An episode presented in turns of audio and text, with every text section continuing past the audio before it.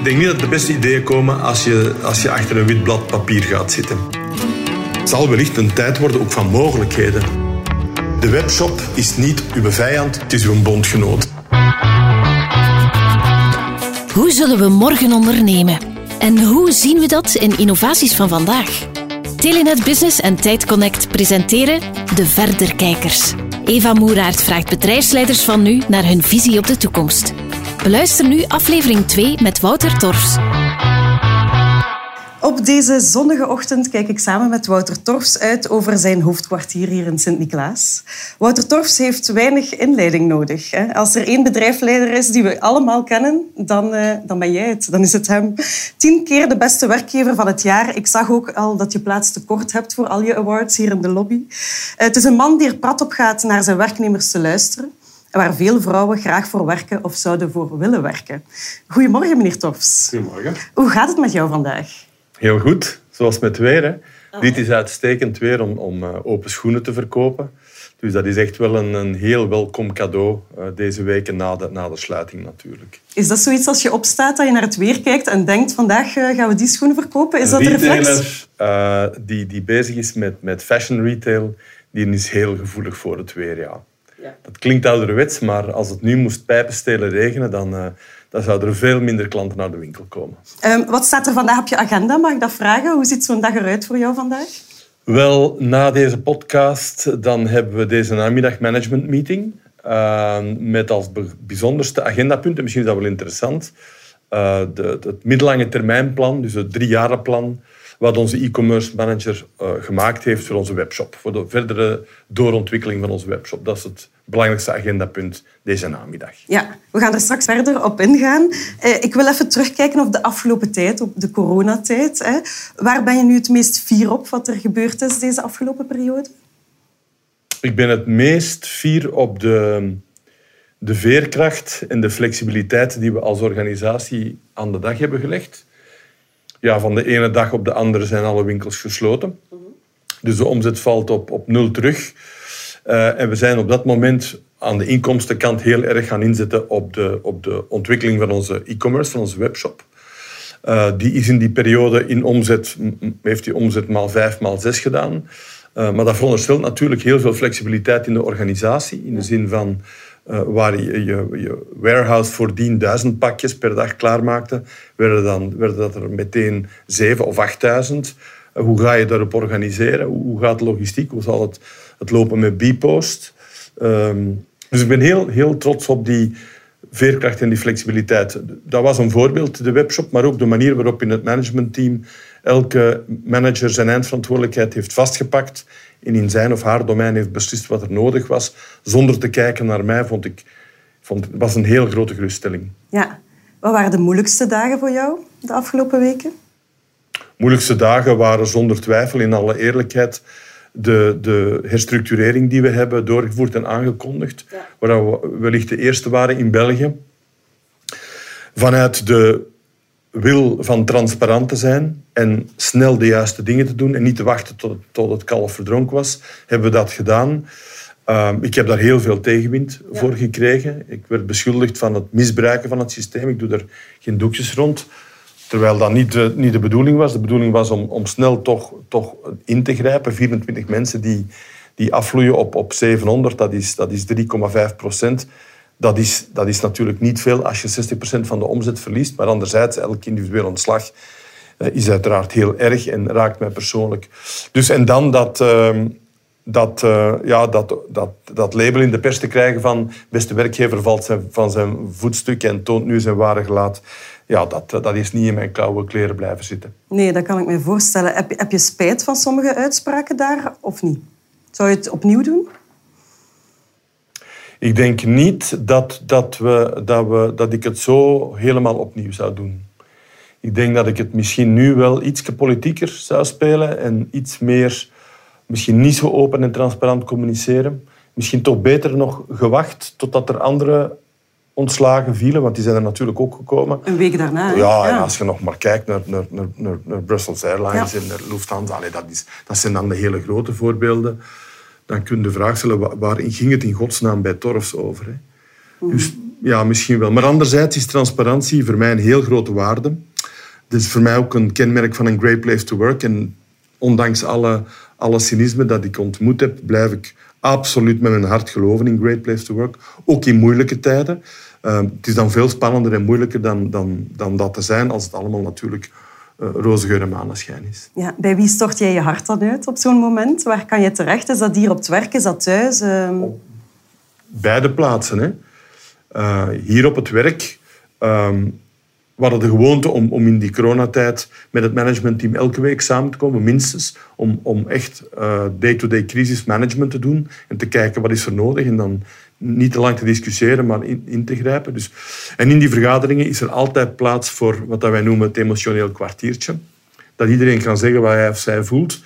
En dat was echt wel, uh, was wel nodig in die periode. En dan vind je wel steun bij elkaar, want laten we wel wezen, die keuzes die Torres maakte, dat, dat, waren niet alleen mijn keuzes, maar die waren gedragen door een team uiteraard.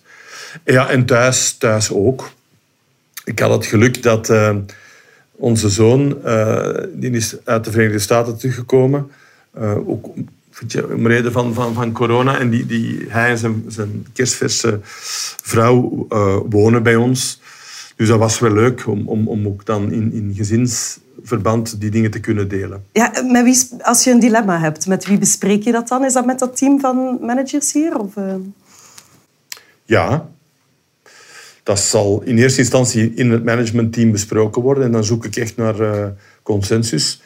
Ik vertrek zelden met een, um, een idee van, dat heb ik in mijn hoofd en dat zal het worden. Ik, ik sta heel open voor uh, shared leadership. Als er mensen zijn met betere ideeën, dan moet die zonder twijfel de voorkeur krijgen. Ik zal, als ik dilemma's heb, heb die, die, die delicaat of persoonlijk zijn, die je niet kan aftoetsen in een team, omdat het misschien over iemand van het team gaat, wel al eens vlug uh, onze externe bestuurders opbellen. Ja, ja. Ik denk dan bijvoorbeeld aan Frans Kolruit, die toch heel aanwezig was uh, in die coronaperiode en ook in die, in die pershetsen. En echt wel bemoedigend was en, en steunde. Um, ja, dat zijn zo de belangrijkste, belangrijkste mensen. Je zal het vandaag zonder Frans Kolruit moeten doen, meneer Torfs. Want ik zou, om te beginnen, jou graag een paar dilemma's voorschotelen. Dilemma's waar elke ondernemer deze dagen van wakker zou kunnen liggen. Goed? Heel goed. Eerste dilemma. Online contact versus persoonlijk face-to-face contact. Ja, in de, best, in de best mogelijke van alle werelden kies ik natuurlijk voor face-to-face contact. Ja. De, de, de intimiteit van het gesprek, van het persoonlijk contact van iemand te zien en te voelen is onvergelijkbaar met, uh, met, met de beste Zoom-call. Maar uh, ik ben natuurlijk in de coronaperiode ook uh, een volleerde uh, leerling of, of, van, van, van het telemieten en Zoom-callen geworden. Dus dat was uiteraard heel gemakkelijk ja. en heel efficiënt. En ik heb ook wel geleerd dat een aantal vergaderingen waar je moet voor verplaatsen veel efficiënter kunnen verlopen via Zoom. Dus niks, niks kwaad daarvan. Maar een goed gesprek of echt in de diepte Um, zoals bijvoorbeeld dit interview. Het zou toch een andere kwaliteit hebben, denk ik, als het via Zoom moest gebeuren. Ja. Dus dan kies ik voor persoonlijk. En naar klanten toe? Want jullie hebben die klanten moeten missen, dat persoonlijk contact met die klanten. Hoe verliep dat online? Ja, we, we hebben heel erg ingezet om uh, kwalitatief klantencontact ook online te krijgen. Te realiseren tenminste. Er waren in die, in die eerste dagen dat de winkels dicht waren, hebben er letterlijk honderden mensen gebeld met de vraag van wij willen iets online bestellen. We hebben dat nog nooit gedaan. Dus ja, we hebben natuurlijk veel oudere klanten. En we hebben dus een taskforce opgericht of een cel opgericht die specifiek uh, die mensen uh, beantwoordde en navigeerde doorheen de site.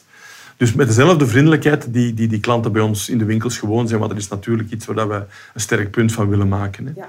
Dus ook in de look en feel van de customer care proberen wij dezelfde dezelfde hartelijkheid en menselijkheid te laten voelen als wat we in de winkels, in, in de winkels hebben. Het tweede dilemma, klaar voor? Um, blijf bij je leest of kijken naar opportuniteiten? De twee. Maar ja, het is een, dile een dilemma. Hè? Het is een dilemma. Ja, dan zou ik nu zeggen, ik blijf bij je leest. En daarmee bedoel ik dan, um, in, in tijden van crisis uh, is het toch goed om, om terug te vallen op de basics op de identiteit van, van uw bedrijf. Van waar sta je eigenlijk echt voor? Wat is uw USP? Wat is uw ziel? Wat is uw purpose? Wat, wat is uw reden van bestaan? En, en ik merk dat naarmate dat je daar, dat, dat, dat, dat stevig in, in het bedrijf verankerd zit, ehm, dat die bedrijven toch meer, meer overlevingskans maken dan meesurfen op de golven. En bijvoorbeeld, heel concreet voorbeeld, al wat onze klanten als eerder overbodig ervaren in de winkels, uh, wordt veel minder aangekocht. Bijvoorbeeld de handtassenverkoop, die is helemaal stilgevallen. Ja, moet je niet van verschieten. Er zijn geen gelegenheden, er zijn geen feesten, geen communiefeesten, geen trouwfeesten. Dus men komt echt voor schoenen. Dus ook wat we verkochten aan deco-materiaal en, en lifestyle-producten, dat is allemaal heel stil geworden. Maar de basics, kindersandaaltjes bijvoorbeeld, wat je nodig hebt, dat draaide heel goed. Dus kom toch bij die basics terecht. En tegelijkertijd, ja, het, het zal wellicht een tijd worden ook van mogelijkheden. Als er, als er, winkels gaan sluiten, misschien komen er, nieuwe, komen er vestigingen vrij, zijn er kansen, moet je toch ook die blik eh, open houden, denk ik. De derde, het derde dilemma, ineens ook het laatste. Daadkracht versus draagkracht. Ja, dat heb je goed gekozen, want dat zijn voor mij de twee basisdimensies in leiderschap. De, de, de, de yang-dimensie is daadkracht en de yin-dimensie, de vrouwelijke dimensie, is draagkracht. Um, Primeert op dit moment? Ja, op dit moment primeerde eigenlijk daadkracht. Ja. Um, omdat je natuurlijk op korte termijn beslissingen moet nemen. Contacten, contracten met leveranciers, met huisbazen, tijdelijk, tijdelijke werkloosheid, marketinginspanningen, de webshop boosten, logistiek organiseren, veiligheidsmaatregelen door en door implementeren, waren allemaal staaltjes van, van daadkracht. Maar tegelijkertijd zijn we blijven investeren in draagkracht. Ook in de zin van blijven peilen naar wat voelen onze medewerkers. Uh, wat hebben ze nodig op vlak van zekerheid, van communicatie. We hebben bijvoorbeeld een, een all-hands meeting gedaan uh, in, in coronatijd, waar we dus twee sessies van van, van 160, 170 deelnemers hadden, waar alle vragen konden gesteld worden. We gaan dat blijven doen, omdat grote events ook voor de komende weken wellicht uitgesloten zijn. Eh, en dat zijn toch voor mij manifestaties van draagkracht, waarin dat je peilt van wat leeft er bij u, wat kan ik voor u doen, uh, en de twee zijn nodig. Maar daadkracht was niet het belangrijkste. Ja, jij moest beslissingen nemen op dit moment. Hè? ja. Oké, okay. Ehm, als CEO ben je uiteraard bezig met het nu, hè? maar verlies je ongetwijfeld de toekomst ook niet uit het oog. En laat ons daar nu eens naar kijken. Wat brengt de toekomst voor jouw sector, voor jouw zaak in het bijzonder, met het startpunt vandaag? Hè? Wat heeft de crisis jullie... Allez, was dat eigenlijk een katalysator van die, allez, digitaal werken in, in de retailsector, nu de, de coronacrisis? Ja, dat denk ik wel. Uh, uiteraard... Uh, hadden we al een webshop sinds 2012. Mm maar je ziet die dan toch echt uh, fel doorgroeien in, in, in, deze coronacrisis. In de zin van uh, omzetten maal drie, maal vier, maal vijf, maal zes op bepaalde momenten. Nu dat de winkels terug open zijn, bijvoorbeeld de cijfers van vorige week, blijft de webshop plus 50 procent omzet draaien tegenover dezelfde week in 2019. Terwijl alle winkels open zijn. Dus we hebben toch het gevoel, en ik denk ik niet alleen, dat de, de consument toch een, een echt een, push heeft gekregen naar, naar meer online kopen. Ja, en dan, dan kom je natuurlijk uit bij, bij dat appel van... Uh, dan moet je ervoor zorgen dat, dat, dat, dat je webshop uh, attractief is, gemakkelijk gevonden wordt, op vlak van, van, van fulfillment 100% eh, op punt staat. Ja, en dan, dan, dan hebben we toch nog, en dat geldt niet alleen voor de Torfs webshop, maar voor vele Belgische en Vlaamse webshops een achterstand op Nederlandse en Duitse webshops. Zo simpel is dat. Dat is ook niet ontgaan dat ik in de crisis een oproep heb gedaan om, rond koop lokaal. En ik meen dat ook. Door lokaal te kopen ondersteun je lokale economie, lokale tewerkstelling en, en je lokale weefsel waar je werkt, woont en werkt. Daar is helemaal niks mis mee. Maar dan moet je wel zien dat de lokale shops ook up-to-date en performant zijn en, en, minstens op hetzelfde niveau staan van de buitenlandse shops. En dat is vandaag nog niet het geval. Uh, ik moet daar heel eerlijk in zijn. En dan vanuit Calimero zeggen van koop bij ons, want, want ja, nee, dat, dat, dat lukt natuurlijk ook niet. Ja, en wat zijn daar de concrete plannen? Want je hebt vanmiddag een vergadering ja, daarover. Dus wat ligt er op tafel? Ja, er ligt dus de, het middellangetermijnplan voor onze webshop op tafel. Waarin dat we heel kritisch gaan kijken van Waar staan we sterk? Wat zijn opportuniteiten? Waar moet aan gewerkt worden? Wat zullen de marketinginspanningen zijn? Hoe zal ons digitaal marketingbudget opgetrokken worden? Dat we toch nog meer aanwezig zijn. Op welke kanalen? Ook op vlak van talent, human resources. Welke mensen hebben we niet aan boord die we nodig hebben? Dus ik wil echt wel een tand bijsteken in het digitale. Maar dan wel vanuit de omnichannel formule. Vanuit het geloof dat het unieke aan, aan ons retailmodel is omnichannel, waar dat winkels en webshop naadloos, frictionless samenwerken. Dan moet het onderscheid zijn met de pure players, de hele grote internationale, die toch geen winkels hebben. Allee, als we ergens een verschil kunnen maken als local hero, denk ik dat het, dat het op dat vlak is. Maar het is absoluut een momentum om, om nu na te denken en niet te snel te zeggen van ja, de webshop heeft het goed gedaan. Hij doet 50% meer dan vorig jaar. En dan een beetje zelfvergenoegd eh, te zeggen van het is allemaal goed. Nee, het is niet goed genoeg. Ja. Je moet maar eens, ehm, als het papier buiten staat, een tour doen door een wijk en zien welke dozen, kartonnen dozen het meest uh, buiten staan. En dan wil ik nog wel wat meer geeldozen van Torfs in buiten staan. Ja, dat snap ik. Je zegt er gaat meer geld en budget naar de e-commerce gaan. Is dat ten koste van een ander budget? Of ga je budget vrijmaken daarvoor? Of, uh, is dat een koste van een ander budget? Dat, binnen marketing is er een duidelijke shift naar, naar online marketing vanuit klassieke, vanuit klassieke marketing. Dat is, die budgetten worden herbekeken. Um, onze winkels, uh, we hebben geïnvesteerd de voorbije jaren in een nieuw winkelconcept. Van de, van de 78 winkels zijn er vandaag 30 verbouwd in het nieuwe winkelconcept. Dat zijn ook de 30 grootste, waar de grootste hefboom op zit het komende jaar, anderhalf jaar, van vandaag tot eind 2021, zal er geen extra budget zijn om meer verbouwingen te realiseren. We gaan moeten schulden aan de bank afbetalen, want we hebben overbruggingskrediet gekregen, of we gaan dat moeten opnemen. Dat is tot dusver niet nodig geweest. Dus voorlopig uh, is daar on hold en, en, zal het vooral digitaal zijn. Ja, uh, ook de profielen, hè, daar had je het daarnet ook over. Ga jij mensen eigenlijk herscholen of ga je nieuwe profielen aantrekken om die e-commerce te doen? Ik denk dat we, dat we nu bezig zijn met twee, drie vacatures eh, van online marketingprofielen die we nog zoeken. Um, ja, mensen herscholen, zeker. Uh, op dit moment, uh, Touchon du Bois, laat ons hout vasthouden, loopt de verkoop in de winkels goed. Maar ja, we zijn maar twee, drie weken bezig. Dat is goed verlopen. Ik ben daar heel blij mee. Als dat zo kan blijven, dan, dan, dan, dan, dan zitten we safe. Als dat niet zo is, stel dat er dan toch winkels uh, verlies, verlieslatend worden, ja, dan gaan we moeten kijken van of dat die mensen kunnen, kunnen gerecupereerd worden, dat die naar de e-commerce kunnen komen, naar de logistiek kunnen komen. Uh, dus, dus ja, daar zijn we nu volop mee bezig. Ja. Denk je dat het winkelen gaat veranderen? Is online shoppen het nieuwe normaal aan het worden? Of... Ja, online shoppen is voor een nieuwe categorie van mensen het uh, nieuwe normaal geworden. Of ze hebben het ontdekt. Ja. Ze hebben ook het gemak ontdekt. Maar ik denk ook dat er op, enfin, minstens op dit moment is er een nieuw normaal op vlak van offline shoppen. Als je klantengedrag ziet vandaag in de winkel, dan is dat anders dan twee maanden of dan, dan drie maanden geleden.